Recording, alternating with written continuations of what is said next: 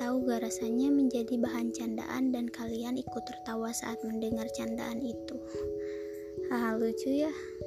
Mungkin mereka pikir dengan menjadikan fisik seseorang sebagai bahan candaan itu adalah sebuah hal yang lucu.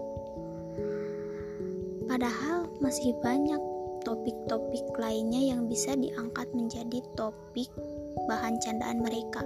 Tidak harus tentang fisik, karena secara tidak langsung mereka itu body shaming.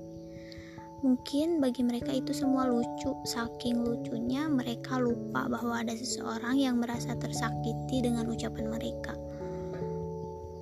Harusnya mereka itu bisa berpikir dewasa dengan ucapan mereka. Mereka seharusnya berpikir, apakah dengan saya mengucapkan kata ini ada yang akan tersakiti atau uh, merasa tidak nyaman dengan topik ini. Seharusnya mereka tidak harus berpikir seperti itu karena dengan mereka mengangkat topik uh, mengangkat topik bahan percandaan itu pun mereka sudah tahu bahwa yang dijadikan topik itu akan merasa tersakiti.